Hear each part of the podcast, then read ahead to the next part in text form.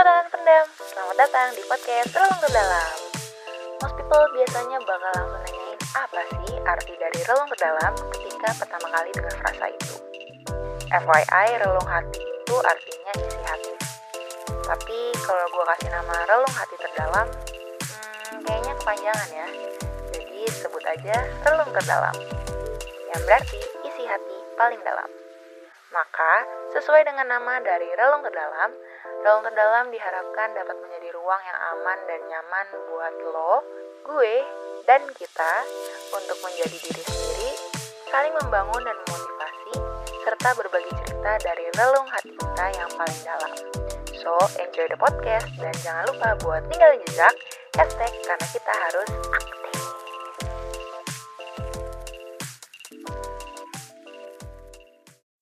Hai, welcome back di podcast ke Dalam episode ke-24 Wuhu.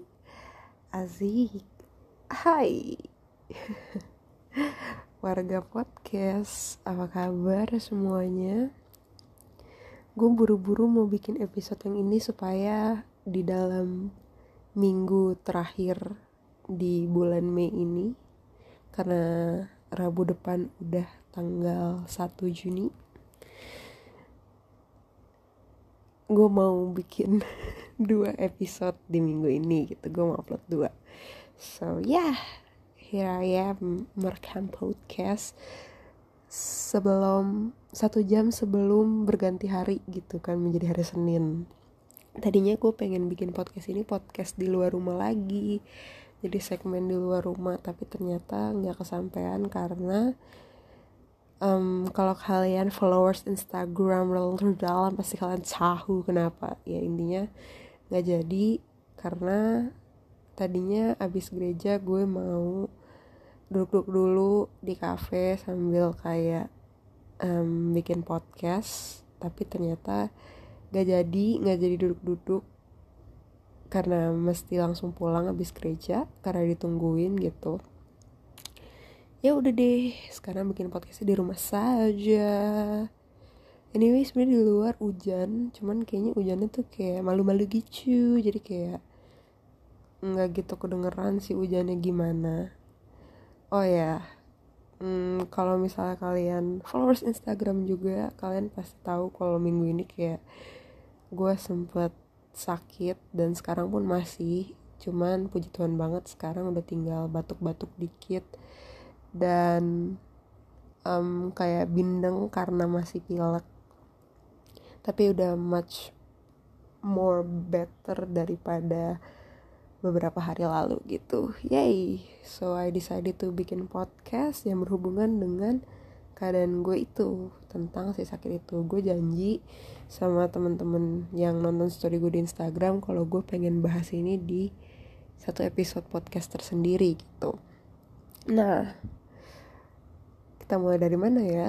Ya kita mulai dari uh, prolog dulu mungkin ya. Jadi intinya sepanjang 2 tahun pandemi gitu ya gue ngerasa gue tuh orang yang uh, gampang sakit nih. Nggak tahu sih karena mungkin karena mungkin di dalam rumah aja gitu kali ya. Nggak tahu juga gitu. Maksudnya dibilang gue daya tahan tubuhnya kuat banget ya nggak juga. Tapi kayak sepanjang 2 tahun uh, covid gue jarang gitu sakit kecuali hmm, waktu itu gara-gara efek vaksin uh, dosis pertama.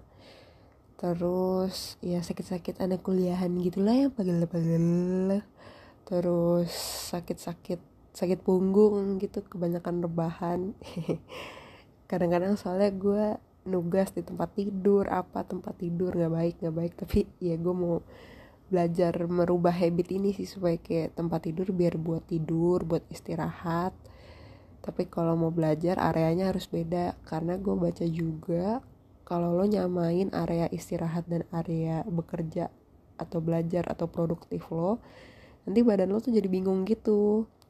Kayak akhirnya kenapa misalnya lagi kelas lo ngantuk?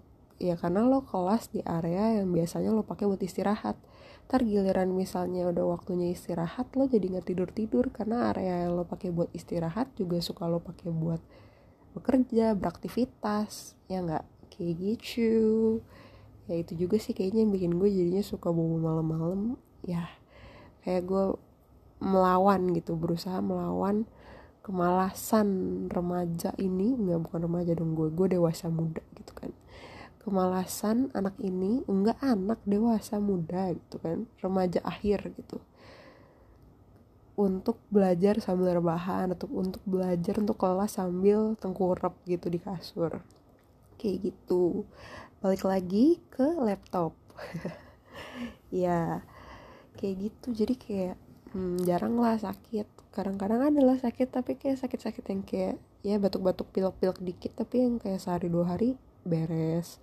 Pusing-pusing dikit sehari dua hari beres. Gue malah ngerasa gue lebih banyak mentally unhealthy daripada physically unhealthy-nya gitu di dalam dua tahun pandemi ini gitu. Jadi hal ini menjadikan gue tuh agak besar kepala gitu. Agak-agak kalau katanya temen gue tuh songong gitu ngakak banget sih. Iya gitu. Jadi ngerasa kayak wih dih gue hebat gitu perkasa gitu kayak uh. Yang paling gagah lah gitu badannya. Jadi kayak nggak nggak bakal gampang kena sakit gitu.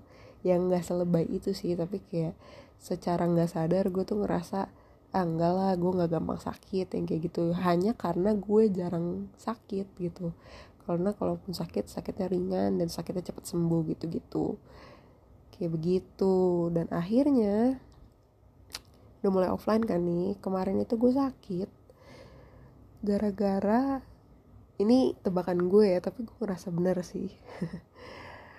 Gue tuh abis ada menerima uh, pelayanan ya pelayanan MC gitu pelayanan MC di mana itu seharian seharian dan tempatnya di kampus gue gitu jadi offline. Offline gue mesti ke kampus itu dari jam 7 pagi.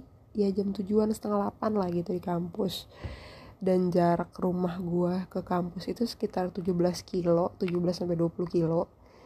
Jadi um, agak jauh ya gitu. Jadi emang harus dari pagi-pagi banget udah siap-siap terus pergi nih ke kampus supaya nggak terlambat gitu. Nah udah acaranya seharian gitu saya ini semalamnya bobo nggak nyampe dua jam. Jadi kayak cuma satu setengah jaman lah gitu. Gue masih ada uh, apa ya buktinya bukan buktinya masih ada recordnya di sleep tracker gue gitu. Jadi dia ngetrack gue tidur berapa jam. Dan emang kayak cuman satu jam satu setengah jaman lah gitu hari itu. Padahal sehari sebelumnya tuh gue habis dari kampus juga kan. Dan gue tuh sampai rumah tuh udah capek banget. Capek banget tapi gue nggak bisa istirahat karena gue ada job MC gitu. Ada job MC yang lain. Selesai selesainya bukannya langsung beberes terus tidur gue nggak bisa tidur. Kayak padahal gue ngerasa badan gue tuh capek banget. Badan gue udah capek tapi kepala gue nggak mau diajak beristirahat gitu. Jadi nggak sinkron tuh antara badan yang sudah lelah dan kepala malah mak jreng gitu kan. Masih menyala terang gitu terang.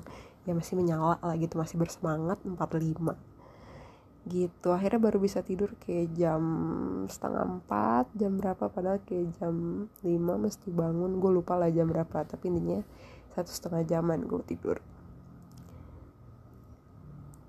Di mana besokannya saya nge-MC seharian. Kok gue ngeblank sih? Iya di mana besokannya gue nge-MC seharian. Yang MC nya tuh bukan yang kayak selamat pagi uh, bapak ibu hadirin yang terhormat. Selamat datang di acara lalalala. Bukan bukan seperti itu saudara-saudara.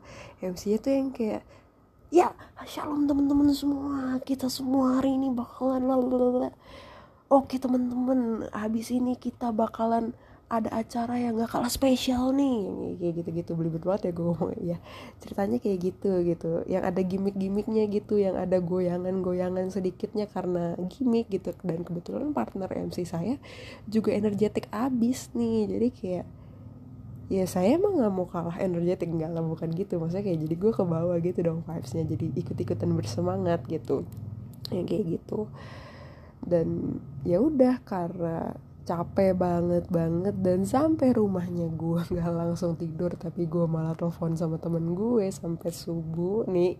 Dia bener-bener kayak baik ya catet ya teman-teman pendam warga podcast. Enggak nggak baik jangan diikutin tolong ambil yang baik-baik aja ya.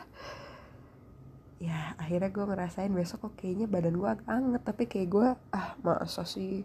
Tuh menyepelekan nggak baik gue kayak gitu. Besokannya hari minggu kayak aduh ya ngerasain kayak gitu. Dan gue hibernasi gitu bener-bener kayak hari itu cuma pelayanan ibadah online gitu. Nggak nggak memutuskan untuk nggak gereja onsite karena gue mau hibernasi. Tapi tetap aja besokannya gue bangun tenggorokan gue nggak enak kering gitu. Gue kira uh kurang minum kurang minum nih selama tidur dehidrasi nggak minum.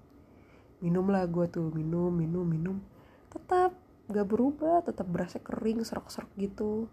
Gak enak lagi sakit malam makin malam makin sakit. Akhirnya setelah agak lewat 12 jam gue baru mengakui gitu kalau gue sakit. Karena tadinya gue denial panas dikit anget dikit denial. Tenggorokan sakit bangun-bangun denial. Kiranya kurang minum dan segala macam ya itu bener-bener sign bahwa ya dari dari hal yang gue barusan ceritain aja gue udah bisa ngeliat gitu kayak wow ternyata gue sejahat itu ya sama badan gue gitu. Kenyataan yang menusuk dan menyedihkan ketika gue menyadari tapi sayangnya iya itu fakta gitu kayak ternyata gue sesangat nggak sayang itu sama badan gue gitu. Udah banyak banget yang sering ceramahin gue tentang menjaga kesehatan tapi kayak gue ya udah ya dengerin dengerin beneran didengerin. Cuman kayak nggak bener-bener dilakukan gitu. Banyak orang yang care sama kesehatan gue tapi ya lo denger aja gimana cara gue memperlakukan badan gue gitu. Mungkin gue terlalu fokus sama kesehatan mental gue sampai gue lupa kalau fisik nggak kalah penting sama kesehatan mental. Agak kebalik nih kalau orang-orang mungkin kayak sempat gitu ramenya jangan lupa kesehatan mental itu nggak boleh disepelein. Kesehatan mental tuh juga penting nggak kalah penting sama kesehatan fisik karena sama-sama seimbang. Nah gue tuh kebalik. Gue malah lupa soal kesehatan fisik gue gitu. Kadang-kadang makan nggak bener kadang-kadang kalau nggak lapar ya udah dibablasin aja nggak makan seharian. Tidurnya juga seenak-enaknya. Kadang-kadang misalnya kelas jam 7 baru tidur jam 4 setengah 5 kadang jam 6 juga pernah. Yang kayak gitu-gitu. Ini bukan gue bangga bukan gue sombong ya. Dengan dengan keadaan gue yang gitu. Enggak gue nggak gitu. Maksud gue adalah itu ternyata udah nyata banget udah jelas banget betapa gue tuh nggak care gitu sama tubuh gue sendiri. Nggak care sama badan gue sama kesehatan gue. Dan gue masih nggak sadar dan terus melakukan hal itu berulang kali setiap hari. Gak peduli seberapa banyak orang-orang udah ngingetin gue gitu. Gak baik dan ya gue lagi berusaha pelan-pelan kayak berubah gitu. Nggak mau yang kayak cuek-cuek banget bukan karena gue jahat secara sengaja gitu ya. Jahatnya tanpa sadar. Tapi jahat tapi pernah dengar gak sih bentuk kejahatan yang paling apa ya ya bentuk kejahatan yang paling jahat atau apa ya gue agak lupa. Teman-teman boleh koreksi gue ya. Bentuk kejahatan yang paling jahat itu ketika kita cuek. Apa sih istilah? Ignorance is bliss. Apa? Gue nggak tahu ya gue nggak tahu. Tolong teman-teman nanti dm gue terus benerin gue apa istilah yang bener gitu. Yang kayak gitu. Dan ya dari situ gue belajar kayak oke okay, oke okay, oke. Okay. ayo mulai perhatiin kesehatan. Ini gue tumbang gara-gara kayak gue nggak aware nggak care sama kesehatan gue. Gue udah tahu mau ada event offline udah tahu keadaannya lagi kayak gini tapi gue nggak jaga kesehatan gue. Dan akhirnya gue tumbang. Puji Tuhan gue tumbangnya bukan karena gue kena ko si Miss Coronavirus gitu kan.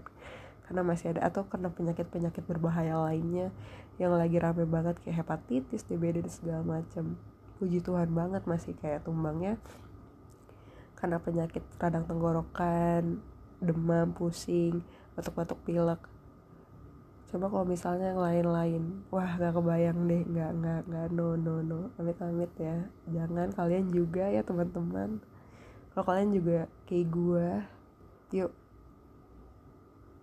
Sama-sama kita mulai jaga kesehatan. Gue juga pengen olahraga cuman gue orangnya tuh kayak males gitu ya olahraga. Maksudnya bukan males olahraga. Sekarang tahun ini ya tahun ini untungnya gue udah kayak lebih ada keinginan gitu buat olahraga. Cuman kalau sendiri tuh gue males. Kayak gue pengennya tuh rame-rame sama orang. Jadi kayak um, seru gitu olahraganya gitu yang kayak gitu-gitu. Nah itu juga sebenarnya kebanyakan mau tidak baik gitu. Ya kayak gitu. Jadi kayak ya nanti pelan-pelan nih sakit ya sambil kayak uh, membaik kesehatan gue gue mau mulai olahraga mungkin yang udah simpel-simpel gue juga belum tahu bakal mulai dari mana tapi ya gak mesti langsung olahraga tapi mungkin lebih ke jaga kesehatan dari makan lebih teratur minum vitamin dan uh, jam tidurnya diperbaiki gitu. Padahal bokap gue dokter. Ini FYI aja buat teman-teman pendem yang mungkin belum tahu ya bokap gue dokter gitu. Tapi kayak aduh anaknya bener-bener ya was likely untuk menjadi pasien. Aduh gak gak gak boleh ngomong gitu amit amit. Omongan doa ya teman-teman. Gak gak gak gak ya kayak begitu. Nah selain gue belajar gue menyadari bahwa oh gue udah gak sayang banget nih sama badan gue gue kurang care nih sama badan gue.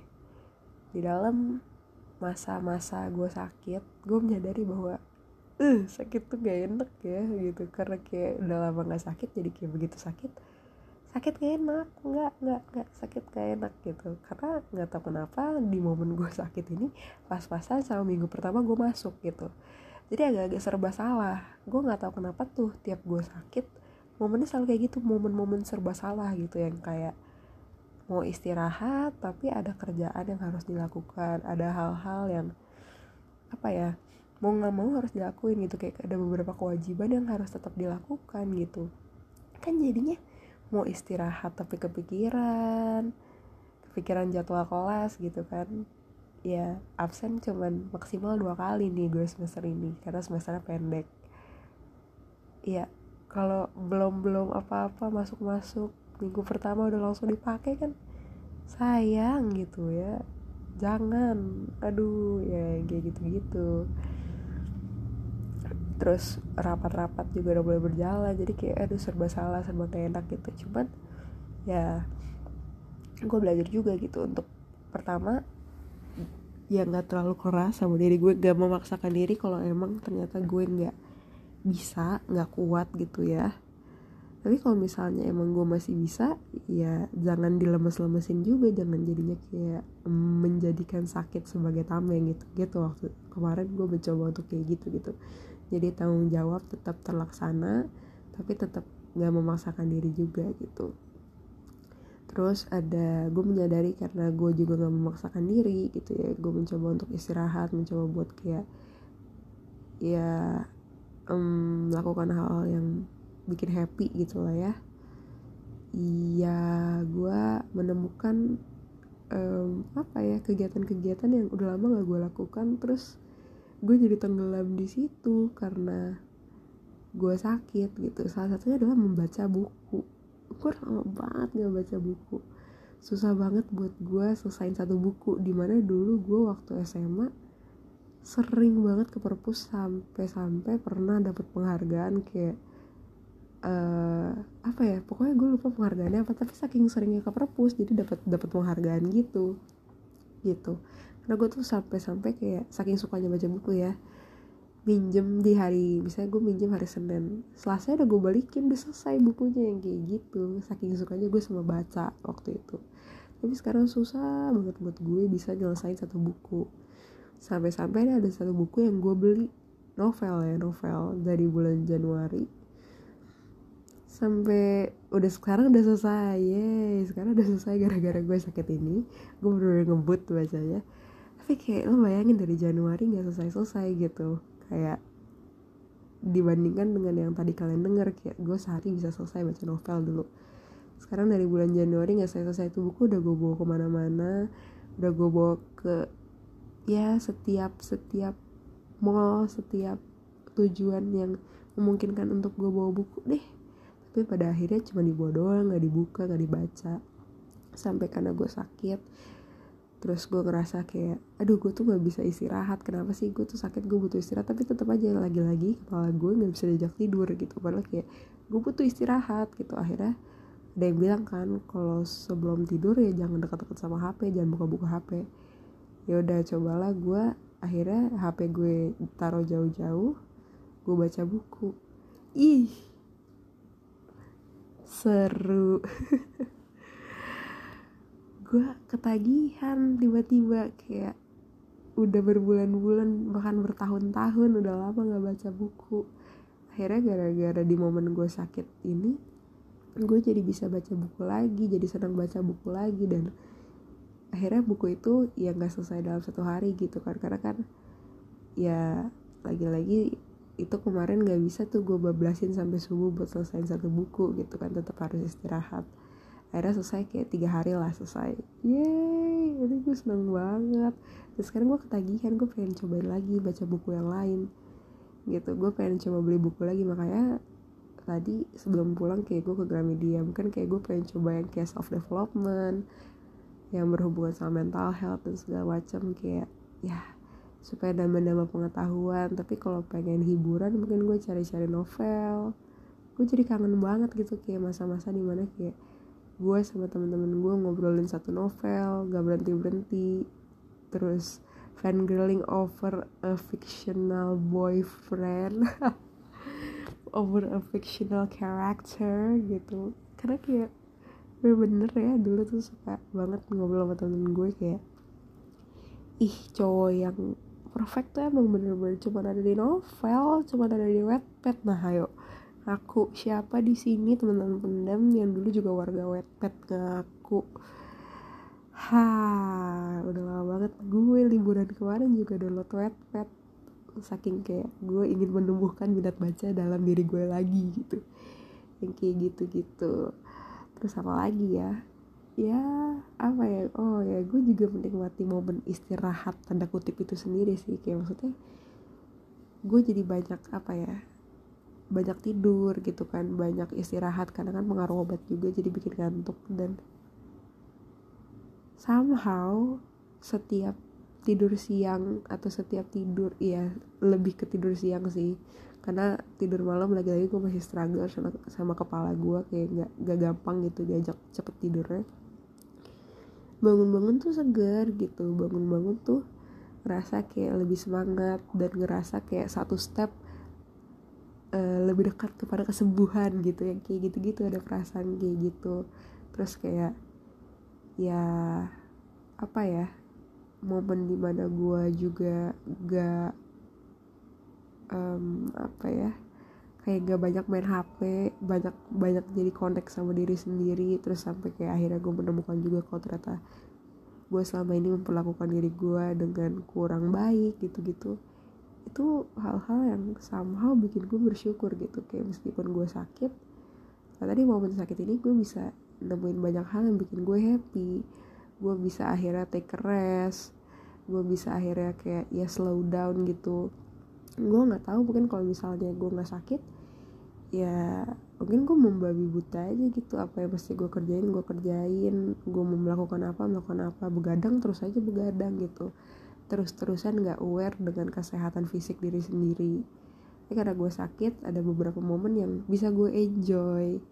Ada beberapa hal yang mungkin udah lama gak gue rasain gue rasain lagi. Contohnya baca buku kesenangan waktu gue berhasil menyelesaikan suatu buku kesenangan waktu gue enjoy di dalam suatu bacaan dan apa ya gue seneng gitu gue bersuka cita. Ya gitu lah gue bersyukur banget sih.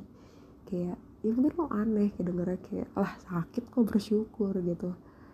Tapi iya gara-gara ini juga gue jadi kayak iya ya sebenarnya lo tuh bisa bersyukur di momen apa pun gitu seburuk-buruknya suatu momen. Lo tetap bisa bersyukur tergantung sudut pandang lo gitu loh kayak baik atau buruknya momen itu tuh tergantung dari pandangan lo gitu. Kalau lo kayak ngelihat suatu momen itu sebagai musibah ya udah efeknya jadi negatif buat diri lo gitu. Tapi kalau misalnya hal yang orang-orang biasa katakan itu musibah terus lo bisa ketemu sesuatu aja kecil aja hal yang bisa lo syukurin dari kejadian itu ya lo bakalan tetap stay happy gitu loh. Lo nggak bakalan jadinya kena dampak negatif ya mungkin ada dampak negatif ya. Tapi karena lo bisa ngatur mood lo karena lo bisa ngatur perasaan lo ngatur pikiran lo untuk stay positif ya mungkin damage-nya nggak segede kalau misalnya pikiran lo juga ikutan negatif gitu. Yang kayak gitu-gitu sih benar-benar emang kemarin gue baca pokoknya hmm, siapa ya? Ian Hugen Ian Hugen ngomong harusnya bahagia tuh sederhana gitu. Dan ternyata bener emang bahagia tuh nggak mesti lo harus ngelakuin sesuatu yang gede terhadap diri lo sendiri. Tapi sesimpel kayak gue bisa nikmatin momen-momen yang gak bisa gue temukan atau gue nikmati ketika gue sehat itu juga bikin gue bahagia. Itu juga bikin gue akhirnya bisa menemukan kebahagiaan yang akhirnya bisa dirubah jadi rasa syukur gitu. Yang kayak gitu-gitu. Kayak jangan berusaha untuk apa ya menjadi bahagia dengan cara-cara yang susah gitu. Tapi cukup dengan hal-hal simpel yang ada di sekitar lo cukup dengan enjoy momen yang lagi ada sekarang ketika lo lagi jalan sama temen-temen lo ketika lo lagi aus tiba-tiba ada air dingin yang seger banget ketika lo lagi lapar terus nyokap lo udah masak ketika lo lagi pengen sesuatu dan ada orang yang ngasih itu out of nowhere ketika lo lagi bosen di rumah temen lo ada yang ngajak jalan ketika ya banyak ketika-ketika lainnya yang gak bisa gue sebutin satu-satu. Tapi gue yakin banget tonton pendem pasti bisa gitu untuk bisa untuk menemukan momen-momen yang bisa lo enjoy lo rasain kebahagiaannya lo rasain happynya terus lo ubah jadi rasa syukur. Satu lagi terakhir sebelum gue tutup. Gara-gara gue sakit ya maksudnya eh, gue tetap tetap uh, ya udah berinteraksi seperti biasa lewat media sosial gitu. Kalau lewat chat kan kayak ya udah gitu. Gue biasa aja nggak jadinya yang kayak lemes banget gimana gimana gitu kan. Tetap kayak biasa aja. Terus jadinya temen-temen beberapa temen-temen gue tahu nih kan kalau gue sakit gitu. Kalau misalnya kayak call gitu kan baru mungkin kedengeran suara agak bindeng atau kayak ada batuk-batuknya dan segala macem. Ada nih satu temen gue ya dia, dia dia yang pertama kali gue tahu gue kasih tahu nih kalau gue sakit gitu. Cuman tuh dia nggak bilang apa-apa kayak dua hari kemudian setelah pertama kali gue cerita kalau gue sakit dia baru gewesin gue. Sebelum sebelumnya apa? Ya gue diceramahin gitu. Nggak nggak diceramahin juga sih tapi dikasih tau gue baik-baik kayak kayak ih kenapa sih lo gak sayang sama badan lo sendiri kenapa sih lo kayak gitu sama lo, uh, diri lo sendiri yang kayak gitu-gitu? Gitu. Ya emang ya teman teman yang baik itu yang temennya lagi susah diceramahin gak ada yang kayak gitu. Enggak ya enggak mungkin itu bukan definisi teman yang baik tapi ya teman yang baik itu yang kasih tahu lo kalau lo tuh salah. Gak peduli kalau misalnya ntar dia jadinya nggak disukai nama lo gitu. Ya tapi dia tetap berani mau kasih tahu. Bukan karena dia sayang terus kayak ngeliat lo salah dia tetap ngebiarin lo salah tapi dia berani kasih tahu lo kalau lo salah dan kasih tahu lo apa yang seharusnya lo lakukan gitu apa yang bener kayak gitu. Ya gebesin gue dua hari kemudian dan empat hari kemudian gitu ya. Tiba-tiba dia telepon gitu telepon kayak nelponnya tuh udah bukan yang kayak eh lo mau gue beliin makanan enggak bukan bukan bukan yang kayak gitu. Nelponnya tuh ada yang kayak dada atau paha? Ini ayam ya saudara-saudara tolong. Ini ayam ini ngomongin tentang ayam. Dada atau paha? Diangkat-angkat langsung kayak gitu tuh dada atau paha. Ih bener-bener. Udah galak banget ya saudara-saudara nanyanya. Langsung dada atau paha? Gue gue sebagai orang yang gak enakan gue tuh nggak bisa langsung kayak memilih langsung cus apalagi kayak gue langsung uh, connect nih maksud dia apa gitu dia mau beliin gue soto dan di dalam soto tuh ada ayamnya gitu. Dia suruh gue pilih mau ayam yang apa nih gitu. Gue kayak buat apa nih? Nggak mau nggak mau gitu kan. Kayak dia uh, terus mendesak nih kayak dada atau paha dada atau paha gitu kan. Akhirnya gue bilang dada itu udah gue pilih langsung dimatiin. Tat beberapa menit kemudian gak nyampe setengah jam muncul ada di rumah di depan rumah gue gitu membawa soto yang tadi dia udah sambil todong gue gitu di telepon gitu kan dada atau paha gitu kan. Ya apa ya? Gue malu sih nih kalau orang yang denger tapi kayak gue bersyukur banget sih maksudnya hmm, apa ya ini mungkin berkaitan sama love language ya. Kadang-kadang kayak uh, mungkin lo expect kayak ada orang-orang di sekitar lo kayak lo lagi susah mungkin dia ngomong apa gitu kalau atau kalau lo love language-nya apa ya lo berharap diperlakukan sesuatu lah sama orang-orang di sekitar lo yang lagi tahu keadaan lo. Tapi gara-gara ini gue juga jadi sadar gitu kayak emang temen gue nih love language-nya bukan words gitu. Jadi ya gitu gitu. Ya bisa dilihat ya jadinya acts of service gitu kan. Dan agak ada give dikit gitu. Lebih ke acts of service gitu. Kayak langsung membawakan sesuatu. Ya nggak langsung juga sih cuman kayak masih di momen sakit juga masih di momen sakit itu dia membawakan sesuatu gitu. Dan sambil pulang pas dia mau balik dia bilang GWS gitu kayak gitu gitu ya orang-orang bisa nunjukin perhatiannya sama lo dengan cara yang beda-beda gitu. Jadi kalau misalnya lo ngerasa kayak lo gak diperhatiin sama seseorang dalam dalam suatu keadaan tertentu mungkin cara dia aja yang beda sama cara perhatian yang lo mau gitu atau cara perhatian yang biasa lo dapet. Jadi lo nggak notice. Tapi coba deh kalau lo pikir-pikir mungkin coba pertimbangkan dari love language nya juga jangan-jangan sebenarnya ada bentuk perhatian yang dikasih buat lo cuman lo nggak sadar aja. Gitu. Dan akhirnya lo nangkepnya ih dia nggak perhatian sama gue. Ih dia nggak sayang sama gue. Padahal mungkin caranya beda. Gitu sih. Ya jadi inti dari podcast pada episode kali ini yang sudah 31 menit. Padahal tadi um, goal saya cuma 20 menit 15 menit bahkan adalah pertama-tama jagalah kesehatan fisik dan mental Anda. Ya teman-teman pendam harus seimbang. Jangan uh, satu dijaga satu tidak. Dua-duanya harus dijaga. Sayangilah tubuh sendiri. Gue gue gue kata sih gue pernah cerita di podcast atau belum tapi gue emang ada isu sedikit masalah sama self love gitu. Dan salah satunya mungkin ternyata nampak juga nih dalam kejadian ini gitu. Ternyata gue fokus banget sama mental sampai lupa sama fisiknya lupa sayang sama diri sendiri secara fisik. Habis ini gue mau belajar buat lebih sayang sama tubuh gue secara fisik karena tubuh itu adalah tempat di mana jiwa ada. Tempat di mana hmm, segala yang lo bisa lo rasain lo pikirin terjadi gitu. Tanpa tubuh kita nggak mungkin kan gitu kayak melayang-layang doang gitu uh, di muka bumi ini tidak mungkin kita tetap butuh tubuh untuk bisa berinteraksi buat bisa mencapai mimpi-mimpi kita buat bisa mencapai kesuksesan buat ya menggapai apa pun yang kita mau buat menjadi happy pun kita butuh tubuh yang sehat yang kayak gitu-gitu. Sakit itu mahal betul. Dan puji Tuhan gue nggak sakitnya sampai masuk rumah sakit.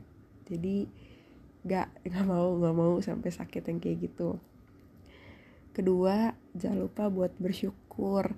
Jangan lupa buat nikmatin momen-momen yang ada di sekitar lo. Ubah itu jadi sumber kebahagiaan yang baru kebahagiaan yang sederhana. Dan ubah lagi itu menjadi rasa syukur. Yang akhirnya nanti juga bisa dari rasa syukur itu juga bisa lo ubah lagi ke dalam bentuk kebahagiaan karena lo bisa bersyukur. Kayak gitu. Terus yang terakhir cara orang dalam memberikan perhatian atau kasih sayang mungkin beda-beda. Jadi coba deh lo uh, telaah lagi dia itu orangnya kayak gimana sih? Mungkin love language-nya apa? Cara dia untuk memberikan perhatian cara dia untuk memberikan kasih sayang tuh gimana? Jangan sampai lo ngerasa nggak ada yang sayang sama lo nggak ada yang perhatian sama lo nggak ada yang peduli sama lo. Padahal sebenarnya orang-orang di sekitar lo banyak banget yang sayang dan peduli sama lo. Cuman caranya beda aja sama yang biasa lo terima atau mungkin uh, gak sesuai sama yang lo ekspektasiin atau yang lo mau. Gitu. Oke terima kasih teman-teman pendam sudah mendengarkan podcast selalu ke dalam episode ke-24 semoga apa yang teman-teman dengar uh, ini bisa jadi berkat buat kalian semua bisa dapat sesuatu dari podcast ini mohon maaf kalau ada salah-salah atau perbedaan pendapat dan teman-teman selalu terbuka untuk berdiskusi bersama dengan saya melalui DM Instagram di @terlalu underscore. Oke deh kalau begitu stay safe, stay healthy, and God bless you. Sampai jumpa di episode-episode selanjutnya. Hashtag karena kita harus aktif. Dadah.